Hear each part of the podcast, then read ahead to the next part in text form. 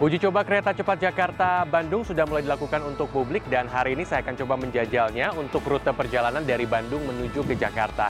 Tentu saja sebelum ke Jakarta kita harus menuju ke stasiun Tegaluar, Kabupaten Bandung.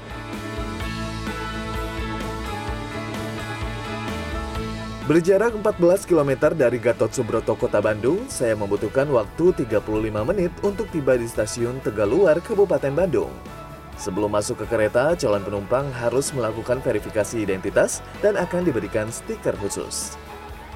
Di stasiun Tegaluar, peron keberangkatan berada di lantai 2. Ada akses eskalator, tangga, dan lift untuk naik.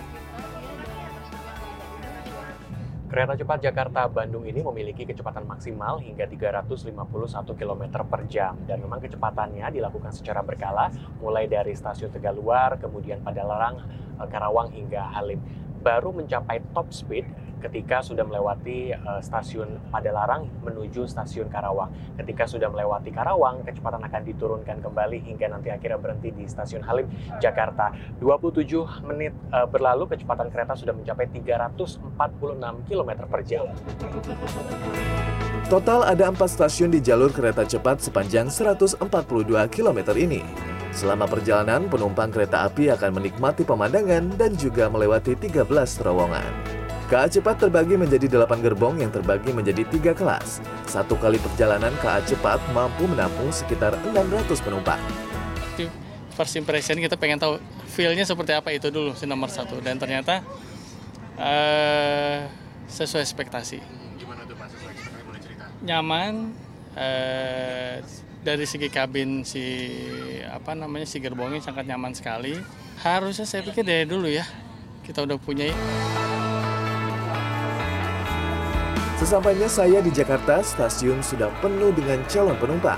Tak ingin ketinggalan pengalaman uji coba gratis, warga pun berbondong-bondong datang. Uji coba kereta cepat bagi masyarakat umum mulai dilakukan sejak 15 September. Sebelumnya mereka harus mendaftar pada laman PT KCIC. Setiap harinya ada 8 perjalanan kereta cepat baik dari Bandung atau Jakarta dengan total penumpang mencapai 2.000 orang per harinya.